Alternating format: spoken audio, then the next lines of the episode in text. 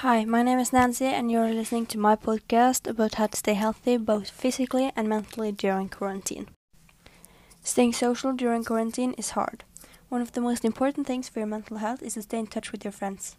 You can FaceTime while you're doing homework, work out, or just talk with them. You should at least have one conversation with a friend outside of with a friend once a day. I know sometimes it can be hard staying active when you're stuck at home.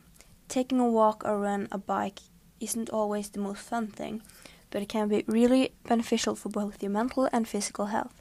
Fresh air and some new scenery can be very good for your concentration and happiness. And you can also meet people and yeah, get a break from being stuck inside. I also think focusing on the bright side of things can help you. Instead of seeing the glass half empty, try seeing it half full. Okay, you can't always have fun with your friends, but just use that time with your family.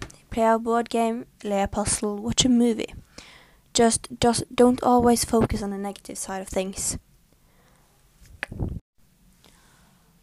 All in all, my three best tips is stay in touch with your friends, go on runs but keep your distance, work out, do your homework and FaceTime together.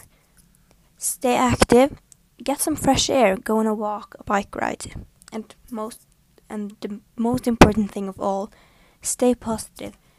Positive thinking is the most important thing to a happy life and a happy quarantine. Thank you for listening to my podcast about how to stay healthy both physically and mentally during quarantine. Have a great day.